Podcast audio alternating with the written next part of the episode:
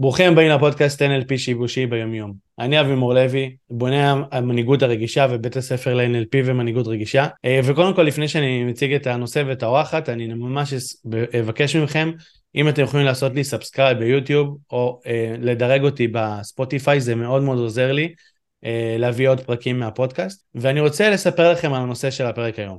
אני אה, לפני משהו כמו חצי שנה או אפילו יותר, התארחתי בכנס מאוד מאוד גדול. וראיתי שם מרצה איתי בכנס שמשכה לי את העיניים, והרבה מאוד זמן ישבתי וחשבתי להזמין, להזמין, להזמין, וכאילו כל הזמן כזה הראש שלי עבד שעות נוספות. בסוף אמרתי, אוקיי, אני שולח למייל ונזמין אותה להתארח בפודקאסט, והיא איתנו היום, ועוד שנייה גם אספר לכם למה בעצם הנושא הזה. אז קודם כל אני רוצה להגיד בוקר טוב למרווה עזם, מה שלומך? דוקטור מרווה עזם. בוקר אור אבי, אני בסדר גמור, אני ממש מתרגשת לקראת הפרק שלנו, וזה מעניין ככה שסיפרת שכבר נפגשנו איפשהו בכנס אה, ששנינו הרצינו בו, ולקח לך איזה חצי שנה עד שפנית אליי, אז אני מאוד מעריכה את זה, ותודה על ההזמנה ועל ההזדמנות הזו, ואני באמת אה, רוצה להאמין שהיום הנושא שאנחנו הולכים לדבר עליו, גם ככה יפתח לאנשים את הראש אה, ויעזור להם להתחבר לעצמם.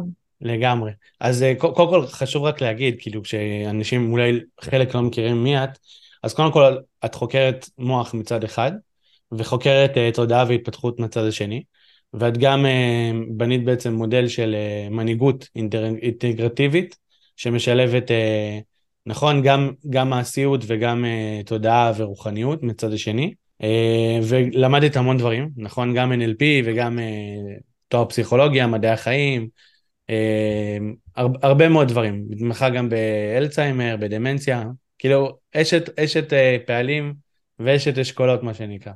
תודה. כן, את האמת שכל ההשכלה שלי התחילה בכלל אי שם, אתה יודע, בגיל 19 התחלתי ללמוד הנדסה ביו-רפואי, זה היה התואר הראשון שהתחלתי ללמוד, ואז אחרי שנה החלטתי שאני רוצה לשנות את העולם וללמוד פסיכולוגיה, כי נחשפתי לעולם הרוח, זה התחיל משם, התחלתי להכיר יותר את היוגה, את המיינדפולנס, וזה עוד לא היה במיינסטרים, כן? זה היה לפני בערך 14-15 שנה, זה באמת לא היה כזה במיינסטרים, גם האימון. אה, אבל ככל שהתעמקתי גם בנושאים של הרוח, וככל שלמדתי פסיכולוגיה ומדעי התנהגות, הבנתי שכאילו, איפה, איפה החיבור בין העולמות האלה? עברתי כבר כמה גלגולים גם מאז, שבסוף כשעשיתי את הדוקטורט שלי, שהיא אה, ההתמחות שלי, וזה לחקור אלצהיימר ודמנציה, והמחלות האלה, ואיך בעצם אפשר להגיע לריפוי, לא יכולתי להתעלם מזה שרק התזונה שלנו היא הבסיס לדבר הזה, כי התזונה שלנו היא חלק אינטגרטיבי מכל מי שאנחנו ומה שאנחנו, ואני בעצמי אז התחלתי ללמוד NLP והתחלתי ללמוד אה, את עולמות הרוח והמיינדפולנס ולחקור אותם ולהביא אותם למעבדה, וגם העבודה הרגשית, וככל שהלכתי והעמקתי ב, בכל מה שקשור למדע ולתודעה, גם היו לי כל מיני חוויות אה, חוץ גופיות, אני לא יודעת אם אנחנו נדבר על זה היום, אבל זה היה ה mind blowing שלי, שכאילו גרם לי רגע שנייה לקחת את כל העולמות האלה ולחבר אותם ביחד. אה, וכן, כאילו, יש לי הרבה תארים, הרבה עבודה, הרבה לימודים, אני כל הזמן לומדת ומתפתחת, ואני ממש ממש רוצה להביא את זה עוד יותר לעולם, כי אנשים היום לא ממש קולטים כמה זה מחובר, ובדרך כלל כשמדברים על רוח, אז מדברים על רוח כמשהו שהוא ארטילאי כזה, שהוא לא מחובר לקרקע, או שמדברים על הקרקע ומנסים לחבר את זה לרוח, אבל בסופו של יום שניהם מתחברים, רק צריך לדעת את הנקודות שמתממשקות אחת עם השנייה. כן. אה, וזה מה שאני עושה. מעולה, אז קודם כל כיף גדול שאת כאן. אה, ובואו נציג את הנושא שלנו. בעצם דיברנו קצת לפני וחשבנו על איזה נושא אנחנו רוצים לדבר, והעלינו את הנושא הקול הפנימי שלי, ואני חושב שהקול הפנימי זה נושא מטורף. עכשיו, כל הפתיח שלי היה על זה שחשבתי כזה לעצמי הרבה זמן כאילו להזמין, ועדיין לא עשיתי את זה, ובסוף שלחתי לך את המייל. אבל בעצם כל מה שליווה אותי לאורך כל הזמן, זה היה הקול הפנימי שלי. זאת אומרת, אה, היה לי משא ומתן עם עצמי בפנים, עד שעשיתי את זה, וגם אחרי שעשיתי את זה, ועד שענית לי, ועד שזה, כאילו, היה, היה לי הרבה מאוד שיחה פנימית. אני חושב שלאנשים באופן כללי יש הרבה מאוד שיחות פנימיות בחיים, חלקם מעלים אותם מאוד ומאמינים בהם, חלקם מורידים אותם ומכווצים אותם וגורמים להם לא לזוז.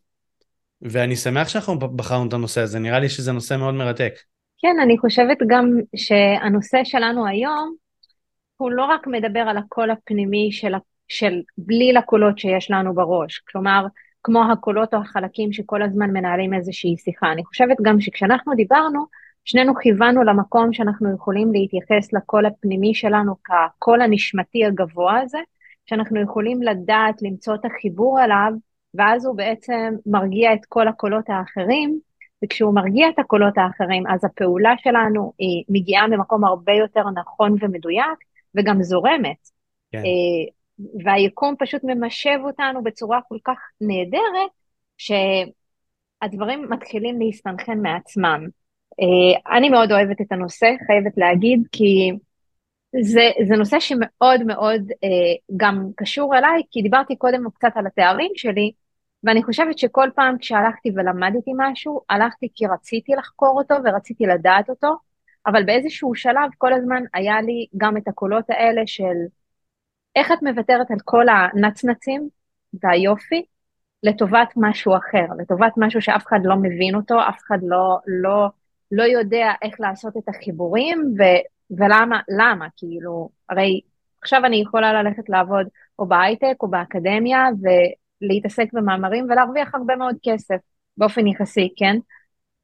אבל בסופו של דבר ידעתי שזה לא המקום שלי. ידעתי שאני רוצה לפרוש ואני רוצה לבנות משהו שהוא משלי, שאני לגמרי מאמינה בו. ולקול הפנימי הזה, או לקול הנשמתי החזק הזה פנימה, יש מהות ומשמעות מאוד מאוד גדולה בחיים שלנו, ואיך אנחנו יכולים גם להגשים את החלומות שלנו, ולהגיע למקומות שאנחנו רוצים להגיע אליהם. מעולה, אז בואי נבנה את זה כזה בצורה יפה, מה שנקרא חכמה, ו- ונתחיל עם השאלה הראשונה ש... שנגיד כשאני התחלתי לעשות כזה שאלות על התחקיר, זה שהדבר הראשון שעלה לי, שחוקרת מוח, אני מניח, רואה את כל החומרה של המוח, מעגלים חשמליים וכל מיני אותות חשמליים במוח וכל מיני דברים כאלה, כל מיני דברים, ופתאום אנחנו מדברים על כאילו דברים שהם קולות שאנחנו שומעים בתוך הראש שלנו, מחשבות שכל היום רצות בראש שלנו. אז איך המוח שלנו יודע להשמיע לנו בחלק הפנימי של האוזן כל מיני קולות, ו- וגם למה, הם, למה זה גם כמה קולות, זאת אומרת, בואי נתחיל מזה, כאילו, כי גם יש לי שאלה נוספת שאומרת שאני נתקלתי בקליניקה שלי באנשים ש... שהם אין להם קול פנימי, שהם לא יודעים להתחבר פנימה בכלל, הם לא יודעים בכלל לשמוע, כאילו, הכל, הכל זה מה שאומרים להם מבחוץ, כאילו אין להם איזשהו קונטרה מבפנים שיודעת אה, להגיד אם זה נכון או לא נכון. אז אולי נתחיל בכלל מה זה קול פנימי, ואחר כך נצלול כאילו ל... לכל שאר הדברים. אוקיי, אוקיי, אז אם אני רוצה להגדיר רגע מעבר לחקר המוח, מה זה קול פנימי? יחד, אני תכף אשלב את זה ביחד.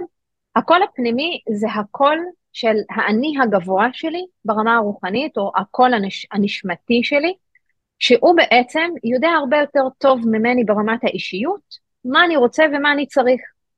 אוקיי? כשאנחנו מדברים על האש הזו של הרצון, אוקיי? היא מגיעה מהקול הפנימי הזה שיודע ברמה הגבוהה מה כן יכול להתאים לי. אוקיי? עכשיו, ברמת המוח שלנו, אני תמיד אומרת, המוח שלנו הוא בסופו של דבר כמו אנטנה. אוקיי? המוח שלנו קולט כל כך הרבה שדרים מהתודעה הגבוהה שלנו ומהתודעה הקולקטיבית, שבסופו של דבר כל השדרים האלה מתורגמים, גם לתמונות, גם לקולות, ובעצם זה מגיע דרך קשרים נוירונים שמתרחשים בתוך המוח, בתוך החומרה של המוח. אבל בסופו של דבר מה מפעיל את החומרה הזו? זו התוכנה. והתוכנה זה הקול הנשמתי הזה שמגיע מתוך זרם החשמל, אם אנחנו מדברים אה, רגע הנדסת חשמל וקצת אה, חיבורים, סינפסים, יש את הזרם החשמלי שזה היקום כולו, יש את, ה, יש את הקול הנשמתי שלי או את הנשמה שלי שזה בעצם התוכנה שמורכבת, ויש את החומרה של איך בעצם המוח קולט את כל השדרים האלה או כל התדרים האלה ומגבש אותם לאיזשהו מידע שאנחנו גם רואים בעולם הגשמי שלנו וגם שומעים וגם מתחברים אליו וגם ככה פועלים, אוקיי?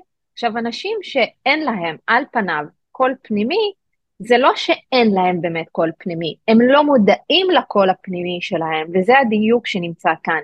כי להיות מודע לקול הפנימי שלך, דורש אחד תרגול ורמת מודעות והתפתחות מסוימת, שכשאתה מתחיל לנטרל את כל רעשי הרקע או את כל הקולות החיצוניים, אתה לאט לאט מתחיל להתקרב ולזקק את החיבור שלך מתוך מודעות לקול הפנימי שלך, לקול הזה שבא ואומר לך מה הכי מדויק ומה הכי נכון. עכשיו, למה יש לנו כל כך הרבה קולות פנימיים? בסופו של דבר הקולות הפנימיים האלה הם קולות של חלקים בתוכנו. אני, אני לוקחת את זה רגע לפן הפסיכולוגי וקצת ליונג. אה, יונג אמר שלכל אחד מאיתנו יש 12 ארכיטיפים, שבעצם אה, אלו דמויות או חלקים או קולות שנמצאים בהוויה שלנו בתור האישיות, אוקיי? לא ברמה הנשמתית, ברמת האישיות. עכשיו, 12 הארכיטיפים האלה, יש להם כל אחד את הצד המואר שלו והצד האפל שלו, שזה חלקי הצל שלנו, וכשאנחנו בעצם אה, יוצרים איזושהי אינטגרציה או איזושהי אינטראקציה עם העולם, יש איזשהו ארכיטיפ שיוצר חוזים עם כל מיני ארכיטיפים, והם יוצרים כל מיני קולות. זה משהו שהוא בילד אין בתוכנה שלנו, של האישיות שלנו, וכשאנחנו בעצם אה, באים ומבינים מה המהות של הארכיטיפים האלה או של החלקים האלה, אנחנו נוכל לזהות בתור התחלה מה הם הקולות הפנימיים האלה שמדברים. כי אני, אני אתן רגע דוגמה, אולי זה יכול לפשט, זה משהו שאני תמיד ככה מדברת עליו עם, ה, עם התלמידות שלי, שיש לנו את הארבעה, ארבעת הארכיטיפים הבסיסיים העיקריים, שזה הילד, לילד יש כל מיני אספקטים, יש את הקורבן, יש את המחבל ויש את הזונה, אוקיי? ולכל אחד יש את החלקי אור וחלקי אה, צל שלו, וזה ארכיטיפים שהם בעצם כלל אנושיים, אוקיי? לכולנו יש אותם, ובסופו של דבר הם יוצרים איזשה, איזשהו חוזה, כמו נניח הילד והקורבן. אם אני אקח את עצמי רגע כדוגמה, אני בילדות ממש הרגשתי לא שייכת לחברה שבאתי ממנה או למגזר שבאתי ממנו, וזה קרה כי אני הרגשתי ילדה פגועה, אוקיי? ילדה נטושה, ילדה פגועה, לא שההורים שלי חס וחלילה באמת נטשו אותי או או עזבו אותי או פגעו בי, כן, היו, הייתה לי סיטואציה מאוד לא נעימה במרדנות שלי מול המשפחה שלי ומול ההורים שלי, אבל באיזשהו מקום, כל הזמן התכחשתי להיות הקורבן של הנסיבות, אוקיי? עכשיו, אם הייתי באמת הקורבן, עם הילדה הפגועה, הייתי נשארת ומשתבללת. הייתי צריכה לכתוב חוזה אחר ולפעול בצורה אחרת מתוך המודעות שלי של איך אני מנהלת את הקולות האלה. עכשיו אני יכול גם להגיד לך שלפחות אני, ממה שאני מכיר, אמ, כל הפ... הכל... יש אנשים שאת דיברת של להתחבר לקול הפנימי שלנו, זה עניין של התפתחות ולדעת שהוא קיים שם, פשוט אנחנו לא מחוברים אליו. עכשיו, ממה שאני חקרתי עם אה, מטופלים רבים בקליניקה שלי, לפעמים בילדות שלנו, הקול הפנימי שלנו אמר לנו משהו מסוים, והחברה אמרה לנו משהו אחר, ואם היינו מקשיבים לקול הפנימי שלנו, זה היה פוגע בנו, כי חברה לא הייתה אוהבת את זה והייתה מענישה אותנו, נוטשת אותנו, כועסת עלינו, ולכן uh, הרבה אנשים, לצערנו, למדו בילדות שאם הם מקשיבים לקול הפנימי שלהם, אז זה ישר, ישר גורר עונש. ואז הם פשוט למדו לשחרר את הקול הפנימי שלהם, לא להקשיב לו, לוותר עליו מראש, ולהקשיב למה שהסביבה אומרת. כי אם, אם הם יקשיבו למה שהסביבה אומרת, אז הם לא יקבלו עונש, או יקבלו הרבה פחות עונש.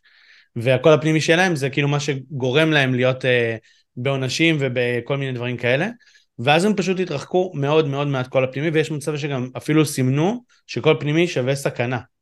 אה, ואז בעצם כשאנחנו אומרים אה, התפתחות תודעתית, זה בעצם לעשות איזשהו שולם, או לא יודע אם שולם, אבל לעשות איזשהו התקרבות לקול הפנימי ולהסכים לשמוע אותו שוב, ולהסכים לשמוע מה יש לו להגיד לנו, ואז גם להסכים ללכת עם מה שהקול הפנימי אומר לנו, במיוחד שזה הקול הנשמתי שלנו, שהוא מפחד לצאת, כי אנחנו כל הזמן כעסנו עליו שהוא גרם לנו ל...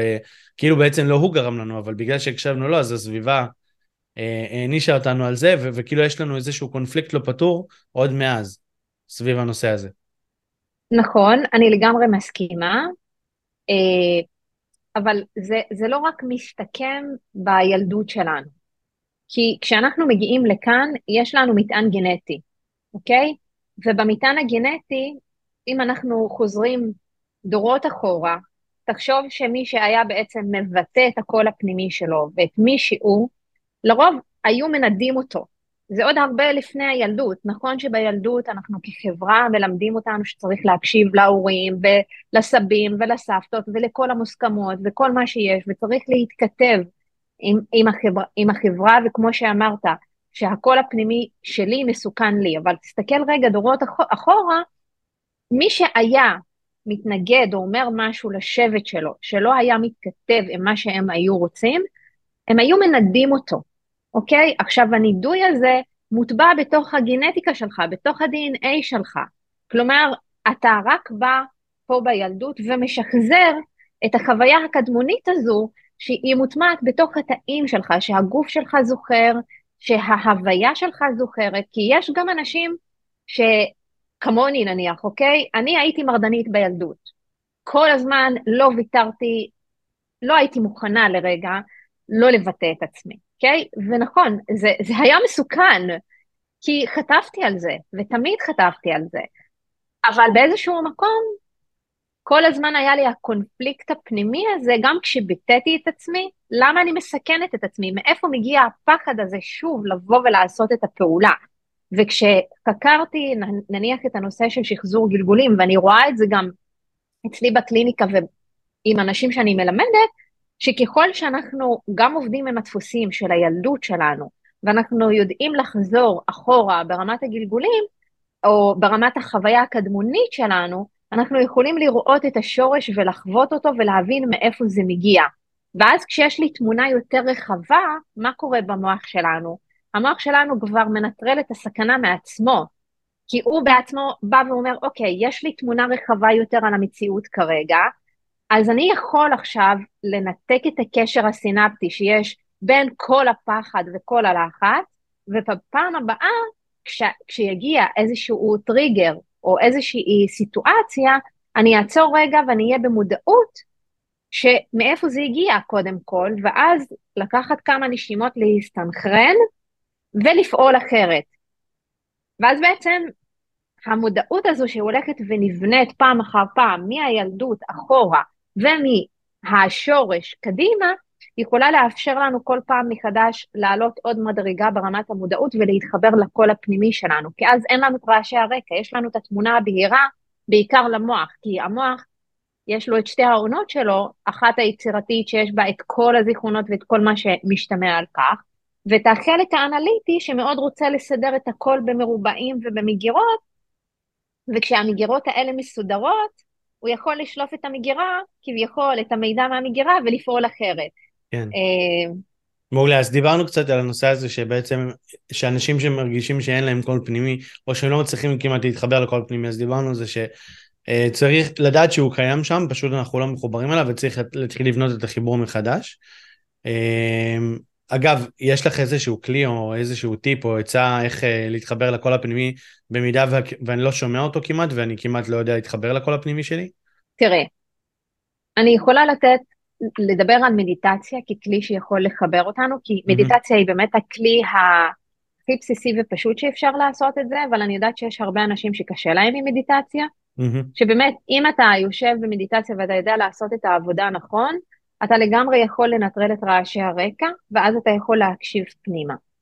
אבל מכיוון שיש אנשים שמאוד קשה להם עם מדיטציה, אחד התרגילים שאני בדרך כלל נותנת לאנשים שהם יותר אה, שכלתניים, זה תרגיל כתיבה, של לנקות רגע את השולחן המנטלי, מה שנקרא, ברמה המחשבתית, כי אנחנו מוצפים מחשבות, הרי מה בעצם מעכב אותנו? הדבר הראשון שמעכב אותנו זה עומס המידע ועומס המחשבות שיש לנו בראש, וכשאנחנו לוקחים דף ועט ואנחנו כותבים מה כן בשליטה שלי, מה לא בשליטה שלי, כבר אני מתחילה לייצר איזשהו ניקיון מסוים של מה כן בשליטה שלי, מה לא בשליטה שלי, ואז אני יכולה לשאול את עצמי מה אני באמת רוצה. ומשם אני יכולה ללכת ולהתקדם ולפתח רגע את השקט הזה, כדי שאני אתחבר לקול הפנימי שלי בחזרה. מעולה. אז אני יכול להציע גם כן אה, משהו ש... שלי עוזר, ואני חושב שגם להרבה אנשים שהצעתי להם זה עוזר. אה, לפעמים כשאני לא מחובר לקול הפנימי שלי, אז אני גם הרבה פעמים אה, זה מעודף גירויים בחוץ, זאת אומרת כל מה שאנשים אומרים לי, כל מה שאני שומע ומצלצל וכל מיני דברים כאלה, גורמים לי רגע לקבל את המידע מבחוץ ולא לשמוע אותו מבפנים. ואם נגיד למשל הולכים נגיד לאיזשהו יער קרוב לבית או איזשהו מקום שאין בו כמעט אנשים ואפילו משאירים רגע את הטלפון באוטו והולכים לשקט לחלוטין למשך נניח חצי שעה, שעה של שקט, בלי טלפון, בלי כלום, בלי כלום, בלי כלום, פשוט אני והעצים. אז בהתחלה זה מוזר ואחר כך זה משעמם ואחרי זה כאילו לא יודעים כל כך מה לעשות כי אנחנו לא רגילים שאין לנו גירויים ואין לנו, שפשוט רק אנחנו והעצים. אבל אחרי כמה זמן של שקט, פתאום מתחיל לבוא מחשבות מסוג אחר. פתאום אנחנו מתחילים לחשוב אחרת ולקבל דברים אחרת ולראות דברים אחרת. וזה צריך ממש כמו לעבור איזשהו גיא כזה של, של מוזר כזה של כאילו של ריק, שמאחוריו פתאום אנחנו יותר מתחברים לעצמנו, אבל אנחנו צריכים ממש להיות עם עצמנו חצי שעה, שעה, שעתיים, בשקט, בלי שום גירויים, בלי שום כלום, ויעברו מחשבות, יעברו המון מחשבות, ו, והרבה מאוד דברים, ואנחנו נטייל ביער ונסתכל על עצים, וכאילו, ופתאום לאט לאט יעברו מחשבות חדשות, כי, כי אנחנו יותר מתחברים לעצמנו, אנחנו יש לנו רגע זמן איכות עם עצמנו, שהוא מאוד נדיר בעולם המודרני. בעולם המודרני אנחנו כל היום סביב אנשים, סביב גירויים, נכון. סביב טלוויזיה, סביב פלאפוני, כאילו הכל כזה, כל הזמן מוצף, מוצף, מוצף, את יודעת, ופתאום איזשהו מקום של שקט, עושה פלאים לבן אדם, מדהים.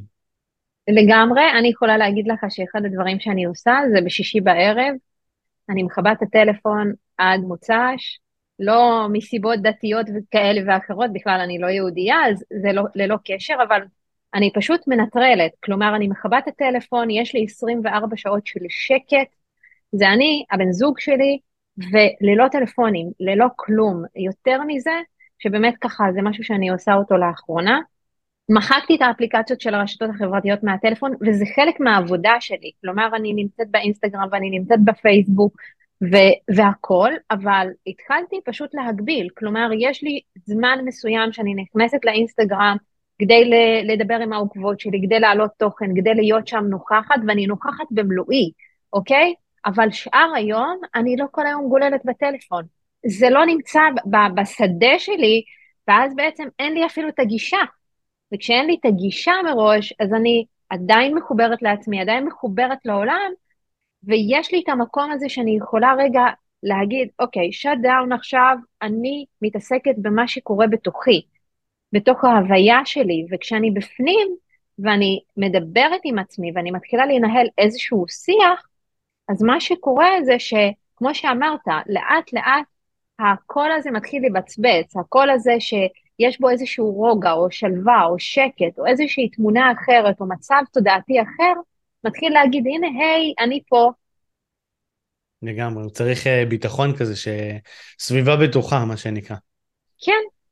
יפה. עכשיו, אני רוצה, לפני שאנחנו מדברים על הקול הנשמתי, ואנחנו ממש עוד שנייה ניתן לו ככה את המקום שלו, הייתי רוצה רגע לדבר על, על לדעתי לפחות, מה זה לא קול הנשמתי. Uh, כי, כי מה שאני שמתי לב, לפחות אצלי, אמ, יש לי המון קולות אמ, של, של הגורמי סמכות שהיו כשאני הייתי קטן. זאת אומרת, של ההורים שלי, אמ, אולי של מורים שלי או משהו כזה, אבל כאילו גורמי סמכות אה, משמעותיים של, של אנשים שהיו סביבי כשהייתי קטן, נחרטו אצלי בראש. והרבה פעמים כשאני רוצה לעשות פעולה מסוימת או לא רוצה לעשות פעולה מסוימת, אז כל הזמן הקולות האלה יושבים אצלי בראש והם אומרים לי נגיד, למה אתה עושה את זה, למה אתה לא עושה את זה, איך אמרת ככה, איך לא אמרת ככה, כל מיני דברים כאלה ש... כש, כש, כשמבוגרים אז בעצם מחנכים אותנו דרך הקולות האלה שהם אומרים לנו, ואז אנחנו באיזשהו מקום אומרים, היי, הם רוצים בטובתי, הם אומרים לי קולות מסוימים, ואז אני מאמץ את הקולות האלה לחיקי, וזה הופך להיות חלק מהתוכנה שלי, שאמרת מקודם, ואז אני יודע לנגן לעצמי את הקולות האלה ממש שישמעו באותו סגנון. אני מבקר את עצמי, אני מקטין את עצמי, אני נגיד אומר למ, למה שזה יקרה לך בכלל, למה שזה... כל מיני דברים שבעצם מקטינים ו, וגורמים כזה לא לצאת לדרך ולהיות יותר באזור הנוחות. אה, כן. ואני חושב שלא התכוונת לזה לקול הנשמתי, אז כאילו בואי שנייה נדבר על, על כל הדברים ש, ש, שמטשטשים את הקול הנשמתי, שהם קולות כזה, בלי קולות שזה לא הקול הנשמתי. אוקיי, אז אני אקח את השאלה שלך רגע למקום, כי כרגע אנחנו מאוד מתמקדים גם ברמה המחשבתית, וכשהקולות האלה צצים, גם כמו, כמו שדיברתי קודם רגע על איום, בסופו של דבר יש לנו שלושה אה, מוקדים באישיות שלנו, שהם יוצרים לנו את כל הקולות, אוקיי? והמוקדי האישיות האלה הם גם הראש, גם הרגש וגם הגוף עצמו, אוקיי? אז כשאני רוצה להסתכל על זה, אני צריכה להסתכל על זה כמכלול. כי יש לי הרבה מאוד מחשבות שרצות לי אמנם בראש, אבל, וזה אחת הטעויות שאנשים עושים, שהם עסוקים כל הזמן במה שהם רק שומעים או חושבים, ואז הפוקוס הוא על, ה, על הצד המחשבתי, ואז אנחנו שוכחים את השני חלקים האחרים, שהם יכולים להיות הדבר שבאמת מעכב אותנו, וזה הצד הרגשי וגם הצד הגופני והתחושות שלנו.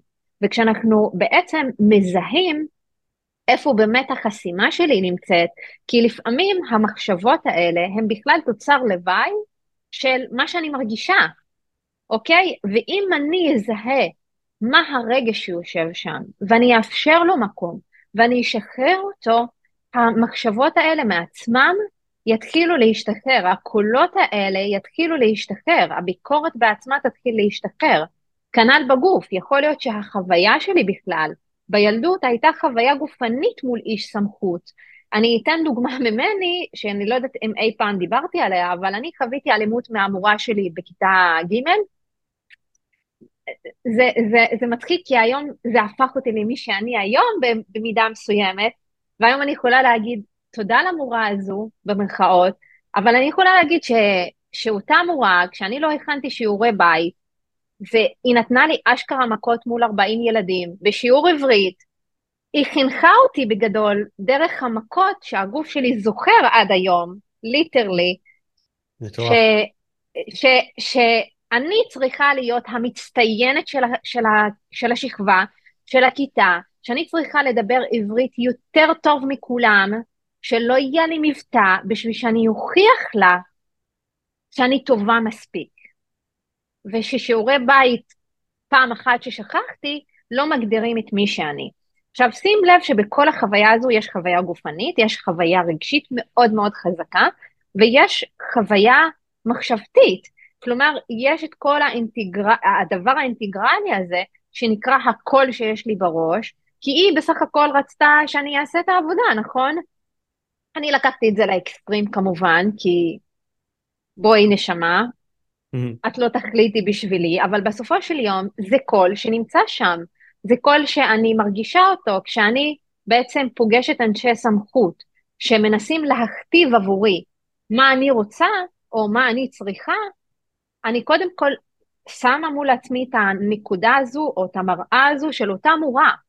אוקיי? ואז אני חוזרת למה זה גרם לי להרגיש, איפה זה באמת מסתתר, האם זה מסתתר בחוויה הגופנית, הגופנית שלי ואני מתכווצת, או שזה נמצא דווקא במוקד של הרגש, או שזה נמצא במוקד של המחשבה. כשאני יודעת לזהות איפה זה מסתתר בתוך החוויה שלי, במוקד אישיות שבאמת מפעיל אותי, שם אני יכולה להתחיל לנטרל את כל שאר החלקים כביכול במוקדי האישיות. שם אני מנטרלת את המחשבה, את הרגש ואת כל מה שיש.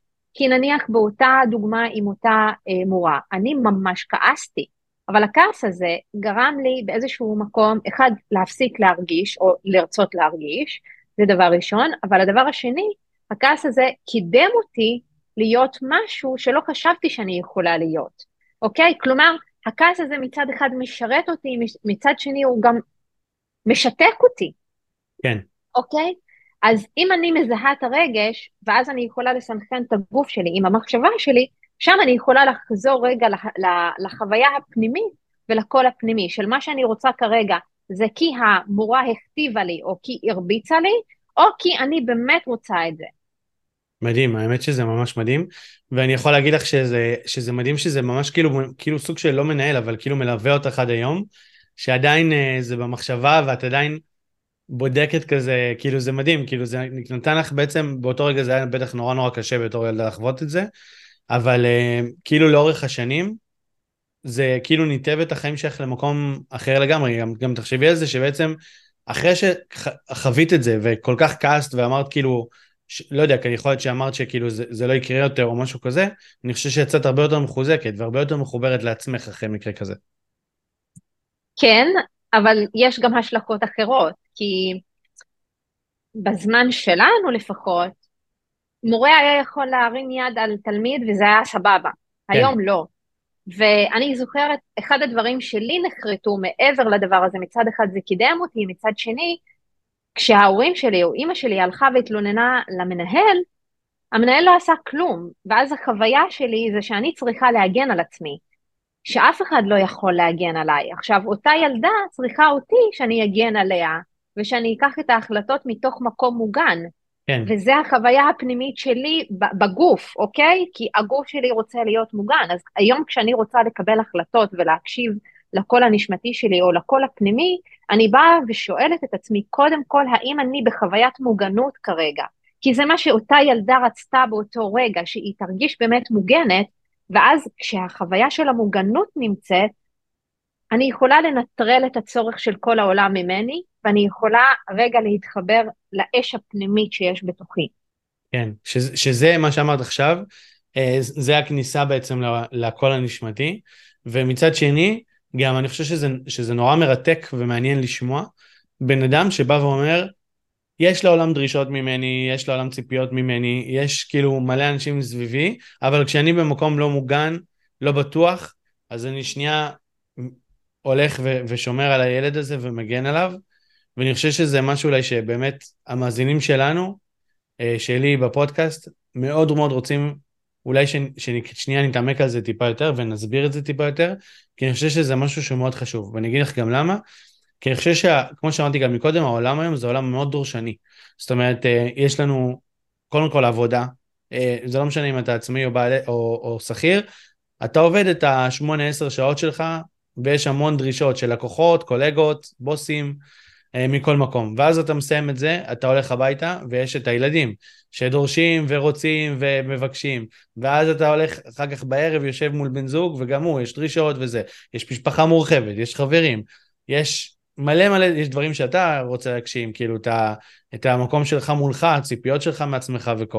אז כאילו יש כל כך הרבה דורשנות מהעולם היום, אה, שאנחנו יכולים בקלות להישאב למקום שהוא, שהוא לא בטוח עבורנו, וכל היום רק כזה לרדוף כזה ולהגיע לסוף היום מותשים.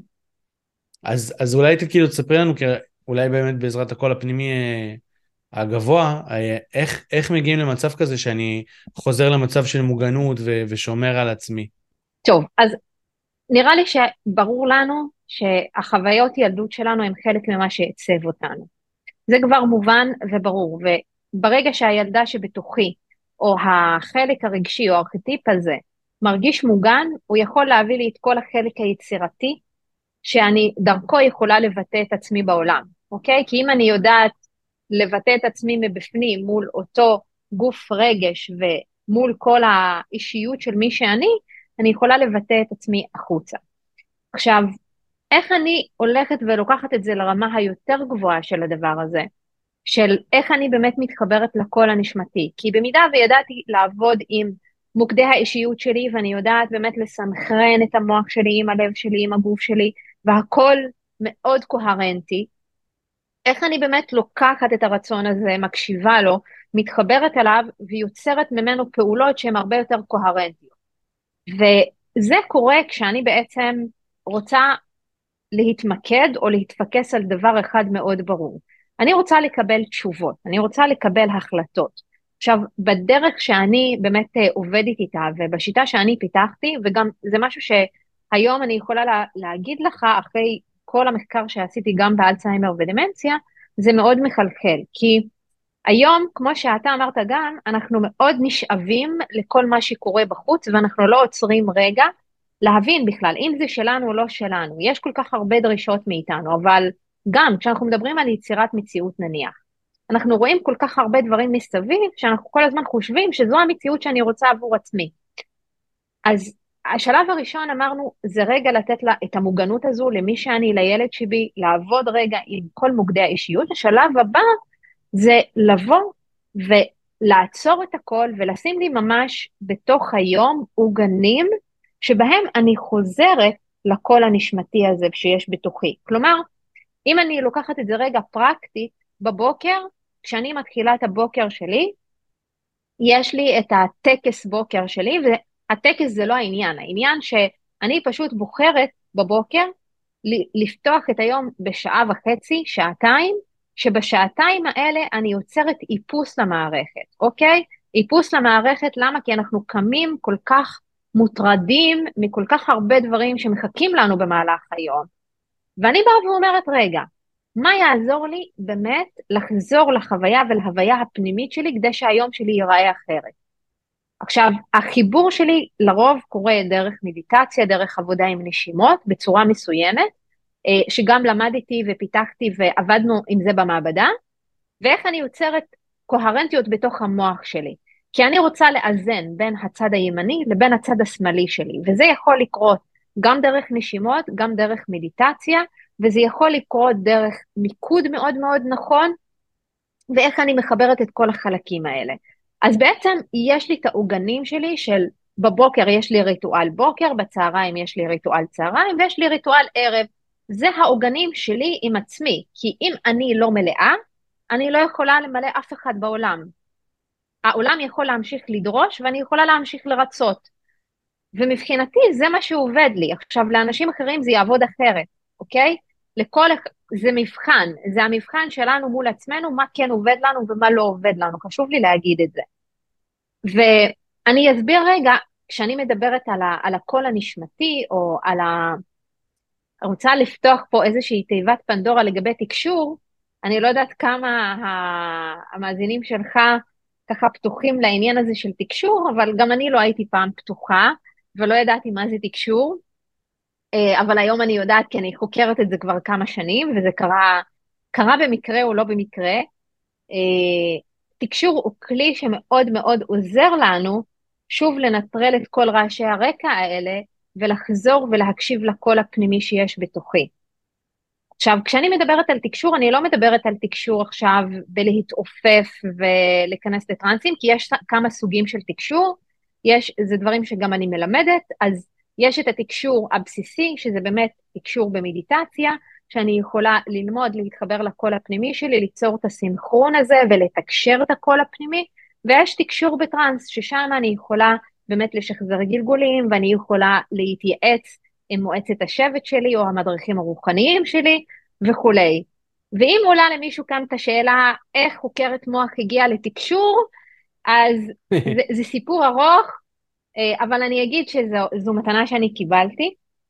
מאבא שלי, זכרו לברכה, ככה אני קוראת לזה לפחות, אה, וזה לא נפתח, זה אומנם על פניו נראה שזה נפתח ברגע, אבל אני תרגלתי מדיטציה במשך כל כך הרבה שנים, וביום שאבא שלי נפטר, בעצם אה, חשבתי שאני עוזה, אבל בשבעה, כשישבנו, פתאום ממש ראיתי את אבא שלי, ולא הייתי יכולה להתעלם. כלומר, זאת הייתה ידיעה שזה מה שזה.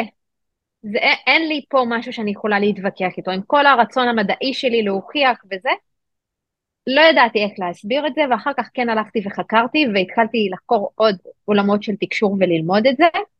אה, אז תקשור זה, זה כלי שכן יכול לחבר אותנו לקול הנשמתי שלנו, ורגע להתעלות מעל הגוף, מעל הזמן ומעל המרחב, כדי שאנחנו נוכל לקבל תשובות הרבה יותר קוהרנטיות, ממש, מעבר למה שהסביבה דורשת ומבקשת מאיתנו. עכשיו, כש, כשאת בעצם אומרת הקול הנשמתי שלנו, באיזשהו מקום אני... אה, עולה לי השאלה בעצם, נניח שמאזינים שלנו רוצים להתחבר לקול הפנימי הנשמתי הזה שלהם, אז איך הם יזהו שזה הקול הפנימי הנשמתי? אחד מה... אולי הדברים שעלה לי במחשבה, שעלו לי במחשבה, שזה קצת מתקשר אולי לייעוד שלנו, או לדברים ש... שעושים לנו טוב, שטוב לנו לעבוד בהם, או לעסוק בהם, או בכלל להיות באזור שלהם אה, בחיים האלה, זאת אומרת סוג של משמעות שלי, אולי שליחות שלי, או דברים כאלה. אבל באופן כללי הייתי נורא שמח שנרחיב, אה, נניח ששמעתי איזשהו קול וזה הקול הנשמתי, איך אני מזהה אותו? איך אני יודע שזה זה?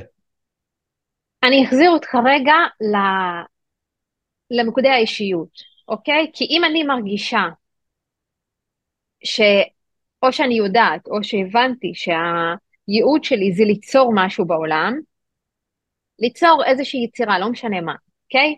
להפוך להיות uh, מישהי שמייעצת או מלמדת או uh, בכלל לצאת לדרך חדשה אחרי הרבה שנים שהייתי בתאגידים וכולי. זה מתחיל קודם כל מרגע איך אני מרגישה כלפי הדבר הזה שאני יכולה לדמיין. כלומר, מה קורה ברגש שלי? אני חוזרת שוב לרגש, האם יש לי התרחבות ברגש? האם אני מרגישה שזה מסונכרן, אבל אני גם רוצה לבדוק מה קורה בגוף שלי. האם כשאני מרגישה טוב, על פניו אני מרגישה טוב, אבל הגוף שלי מתכווץ, כלומר יש סתירה בין מה שאני מדמיינת לבין מה שאני מרגישה לבין מה שהגוף שלי משדר. ואז פה העבודה שלי רגע, לבוא ולהבין איפה הסתירה ולפתור אותה, אוקיי? וכשאני פותרת את הסתירה הזו, מה שקורה, אני מסנכנת את הרגש שוב עם ההתרחבות של הגוף ועם הדמיון, ושם אני יכולה לפעול מתוך הרצון הנקי שלי והמסודר שלי שאני רוצה. כי יכול להיות שכן אני רוצה לעזור לאנשים, ואני יכולה לה, להגיד את זה כאילו אה, עכשיו מתוך, מתוך אה, איזושהי חוויה שהייתה לי עם, אה, עם לקוחה שאני מלווה, שהיא מאוד מאוד רוצה לקחת יותר פרויקטים, היא רוצה לגדול בעסק. ואחד הדברים שגילינו, שתוך כדי שאנחנו ככה עושות חקירה פנימית ועבודה תודעתית, גילינו שאחד הדברים שהיא אה, עושה פעם אחר פעם, ככל שהיא לוקחת יותר פרויקטים, היא מרגישה שכל פעם היא יוצאת לפרויקט הזה במלחמה. אוקיי? על פניו היא מדמיינת את הכל מצוין, שהפרויקט הולך וגדל ומדהים והכל טוב ויפה. כשמגיע הפרויקט היא מרגישה מצוין, הנה הגיע עוד פרויקט, אבל מה קורה? הגוף שלה מתכווץ. וכשבאנו וחקרנו את זה, ופה אנחנו מדברים גם על העניין של, של להתחבר לקול הנשמתי או הפנימי שלנו, אנחנו רוצים לחקור. כשבאנו וחקרנו את זה במיוחד בקש, בקטע של ייעוד, גילינו בכלל כמה דברים. דבר ראשון שגילינו זה שבילדות היה לה הרבה עניינים עם כסף, עם סבא שלה, ואז גילינו שבכלל כשהיא הייתה אה, גלגול. חזרנו, כשחזרנו איזשהו גלגול, ואז קלטנו שבעצם היא פעם הייתה איזו שכירת חרב, וסביב זה התנהל כל העניין של הכסף, ומבחינתה כל פרויקט שהיא יוצאת אליו, היא יוצאת למלחמה. עכשיו, זה מה שהגוף שלה זוכר, זה מה שההוויה שלה משדרת, וזה מה שקורה כל פעם בכל פרויקט שהיא יוצאת אליו. ואני צריכה לדעת לנטרל את זה כדי שהיא תחזור שוב לחיבור הנשמתי שלה, למה היא בחרה את מה שהיא רוצה, כדי לממש את הייעוד שלה. וכשיש לי סנכרון בין מה שאני חווה בכל המוקדים, שם אני יכולה לשמוע את הקול האמיתי, כי שם בסוף, אחרי כל החקירה ואחרי כל השחרור הזה שהיה שם, הקול הפנימי שלה אמר לה, כל פרויקט מחדש הוא התחלה חדשה, הוא בנייה חדשה, הוא משהו חדש, ואז בעצם פה אני מתחילה להטמיע במוח שלי כל מיני חיווטים חדשים, כדי שאני אוכל לחיות אותם ולפעול לפיהם. זה מעולה ממש, ואני רוצה גם להגיד לך שמבחינתי לפחות, אה, אני, כשלמדתי NLP, אז אה, למדתי המון דברים, ובאמת כאילו גם עברתי איזושהי חוויה מטורפת, גם אולי קצת רוחנית, ו, וממש כזה סוג של התאהבתי בחיים, ובאמת היה לי מטורף כאילו, ואנרגיה גבוהה ותשוקה מאוד גבוהה וזה, אה, ונפתחתי, ובאמת כאילו היה לי, היה לי באמת תקופה מדהימה באותו זמן. ואז המרצה שלי, עופר ארד, באותו זמן, כשלמדתי את המאסטר, אז הוא בא אליי ואמר לי, אבי, תשמע, אני אגיד לך איזשהו חוק בחיים, ותשים, ואם אתה מצליח לשים לב אליו, זה ישנה לך את כל החיים. הוא אמר לי, כל דבר שאנחנו עושים, או חושבים, מרגישים, לא משנה, זה, זה די אותו דבר, כאילו זה תמיד מקושר כוונה אחד בשני, אממ. הוא מגיע מתוך אהבה או מתוך פחד. עכשיו, אם אני נגיד לוקח עוד ועוד ועוד פרויקטים, כי אני פשוט נורא אוהב את הפרויקטים האלה ובא לי עוד, כמו שבכל זאת מתקים בא לי שוקולד, אז אני ארגיש את הגוף פתוח, אני ארגיש התלהבות, אני ארגיש שמחה, אני ארגיש תשוקה, אני ארגיש שבא לי. אם אני עושה את זה כי אני מפחד אה, לא להיות מוצלח, או שאני מפחד, אה. שזה בא מתוך איזשהו חוסר פנימי שלי, שזה כאילו לפעמים החוסר הוא לא ידוע, אבל יש שם חוסר, אבל החוסר מייצר איזשהו פחד, כאילו אני עושה דברים כביכול טובים, אבל מתוך פחד. כאילו אני, נגיד אני מאוד מאוד אופטימי, אבל אני מפחד להסתכל על רגשות קשים ו- ולהכיר שיש לי רגשות קשים. אני מאוד uh, חרוץ, אבל אני מפחד ש- שלא יעריכו אותי. אני פרפקציוניסט כי אני מפחד שזה לא יצא טוב ואז יכעסו עליי. או כל מיני דברים כאלה כש- כשזה נראה משהו כביכול טוב, אבל זה בא ממקום של פחד ולא ממקום של אהבה, אז שם הגוף הרבה יותר מכווץ, ושם באמת, כמו שאמרנו, הקולות האחרים נכנסים. וכשזה בא מאהבה גדולה, אה, תשוקה, התלהבות, שמחה, כיף, אנרגיה טובה, אז גם הקול הנשמתי מן הסתם אה, בא ותומך בזה ואומר, אתה במקום הנכון לך. נכון, אני לגמרי מסכימה, אה, ואני חושבת שזה גם חלק מהדיסוננס שלנו, שכשאנחנו עושים, עושים, עושים, ולא מבינים למה דברים לא עובדים, וזה לא עובד כי אנחנו משדרים איזשהו תדר של פחד החוצה. ובעצם זה מה שצובע את כל החוויה של האנשים מבחוץ, והם לא יודעים לשים על זה את האצבע. כן. עכשיו, עוד משהו שאני רוצה להוסיף כאן, שגם כשאנחנו עושים משהו מאהבה, הפחד קיים, אוקיי? אבל השורש של הפעולה הוא שורש של אהבה והתרגשות ותשוקה. הפחד הוא חלק מהדבר הזה, כי אין מה לעשות, כשאנחנו רוצים לעשות צעד אחד שלא מוכר לנו, הפחד יצוץ, אבל שורש הפעולה עצמה מגיע מתוך אהבה. וכשהשורש הזה מגיע באמת, כמו שאתה אומר, מתוך אהבה, שם אני יודעת שלא משנה מה יקרה בסופו של דבר ומה התוצאה, אני משדרת או משדר אהבה לעולם, והפעולות שלי מסתנכרנות עם השורש הזה. ואז אנשים קולטים שבאמת מה שקורה כאן הוא מגיע ממקום או מרצון טהור ונקי של נשמה, ולא רק מתוך רצון הישרדותי, או מתוך מקום של פחד. עכשיו, אתה בדיוק מרים לי להנחתה, כי לפעמים אנחנו לא מבינים מאיפה זה מגיע. בדרך כלל ה- היקום, הוא המהות, המהות שלו היא אהבה. כלומר, כשאני מחוברת לחלק הנשמתי שבי, ואני מחוברת ל- ליקום ולמקור של הבריאה, אני ישר ארגיש ואני ישר אחווה איזשהו תדר שיש בו חמלה ואהבה ומשהו שעוטף אותי, גם כשזה מפחיד אותי.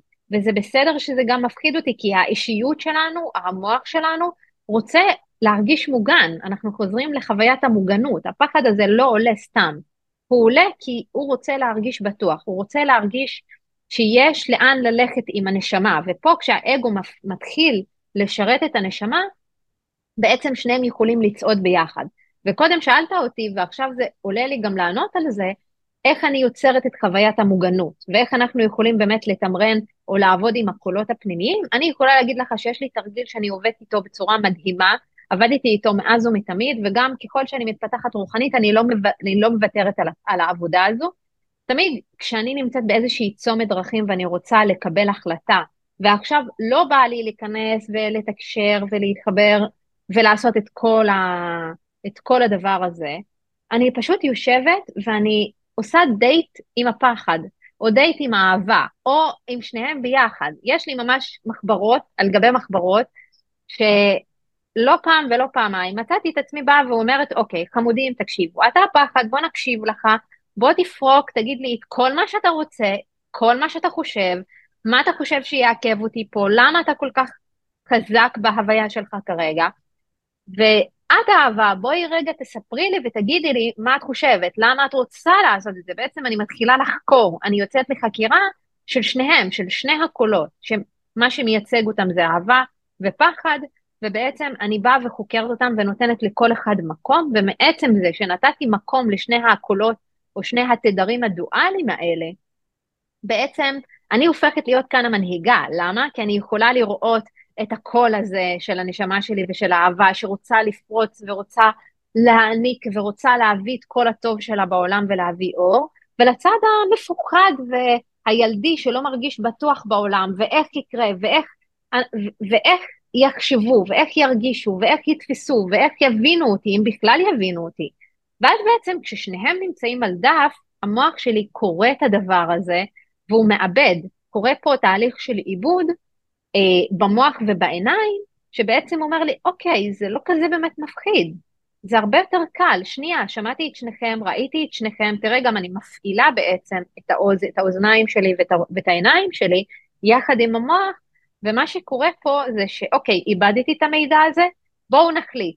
בהתאם לפחד, אני יוצרת איזושהי אסטרטגיה, בהתאם לאהבה, אני נותנת לעצמי את המילוי הזה, שכל הזמן יחזיר לי את התשוקה. ואז אני עובדת עם הקולות האלה בצורה מאוד עדינה ו- ורכה מצד אחד, בלי ביקורת, וממקום שבאמת רוצה ללכת ביחד. כן. ולא לנטרל את שניהם, או לנטרל חלק מהם, הם הולכים ביחד תמיד. מדהים שזה ממש כמו השיטה שלך, ש- שזה הכל אינטגרציה, זה הכל תמיד משולב אחד בשני בצורה מופלאה, שזה כיף ממש לראות. כן, אני לגמרי מאמינה שאנחנו שזורים, זה, יש את הדבר הזה שנקרא שזירה קוונטית, הכל שזור בהכל. כן. ורק צריך לפעמים לעצור ולהתבונן ולראות איך אנחנו יכולים גם לתת לאהבה ולפחד גם ללכת ביחד, וליצור איזשהו שלום בתוכם, והשלום הזה יכול להדהד למרחקים, ושניהם יכולים לדחוף אותי עוד צעד אחד קדימה. מדהים. אז קודם כל, אה, אני רוצה באמת להודות לך על כל מה שדיברנו בפרק, היה לנו פרק מדהים, מלא מלא מלא בתובנות וגם כלים פרקטיים, שזה גם כן מה שאני מאוד אוהב לתת למאזינים.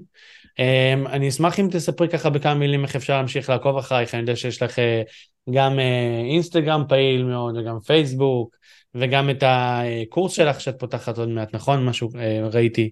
אפשר לעקוב אחריי באינסטגרם, אני יותר פעילה שם, יש לי גם, יש לי גם פודקאסט שנקרא מנהיגות עתידנית, אז ככה אפשר גם להאזין לפודקאסט, אפשר לעקוב אחריי באינסטגרם, אפשר להצטרף לרשימת התפוצה. שאני גם שמה שולחת אה, מיילים, אני עושה הרצאות על בסיס חודשי, בדרך כלל בזום, אה, שאפשר להירשם ולקבל עדכונים. אה, יש קורס שנפתח ממש אחרי החופש הגדול, וזה קורס שבאמת אני מלמדת בו איך אנחנו יכולים להתחבר גם לקול הפנימי. אני מלמדת שם גם תקשור, גם שחזור גלגולים, וגם יצירת מציאות, אבל זה ממש מתחיל מהבסיס. כלומר, איך אנחנו יכולים לעבוד עם דפוסי ההתנהגות שלנו, הדפוסים הרגשיים שלנו, איך אנחנו יכולים לעבוד על, על ריפוי, גם רגשי, גם גופני, ומשם ללכת ולהשתמש בטכניקות של התקשור ושחזור גלגולים וחיבור למדריכים הרוחניים שלנו כדי ליצור את המציאות שלנו. אה, אני משלבת עוד טכניקות כמובן שמשולבות לא רק רוח אלא מדע, אה, ובאמת מי שרוצה אז יכול ליצור איתי קשר, יש גם את ה... יש לי גם קבוצת וואטסאפ שאני שולחת שם מסרים, אז אפשר לשלוח לי הודעה בוואטסאפ ובאהבה אני יכולה לבדוק התאמה. זהו. מעולה, אז קודם כל תודה רבה על כל השפע. אמ, אנחנו נשים קישורים מתחת לפרק ככה כדי שאנשים יוכלו להצטרף. אה, זהו, וכיף גדול שהתארחת, באמת תודה רבה. תודה לך, תודה לך על ההזדמנות. באהבה ענקית, ואני כן מזמין את המאזינים, מי שאהב את הפרק ובכלל את הפודקאסט, תעשו לי subscribe ביוטיוב, יש למטה ממש כפתור, לעשות לי אה, דירוג בספוטיפיי, לשתף עם חברים, זה כל כך עוזר לי להגיע לעוד אנשים, לתת להם כלים פרקטיים, איך לחיות את החיים האלה טוב יותר. זהו, אז תודה רבה ענקית.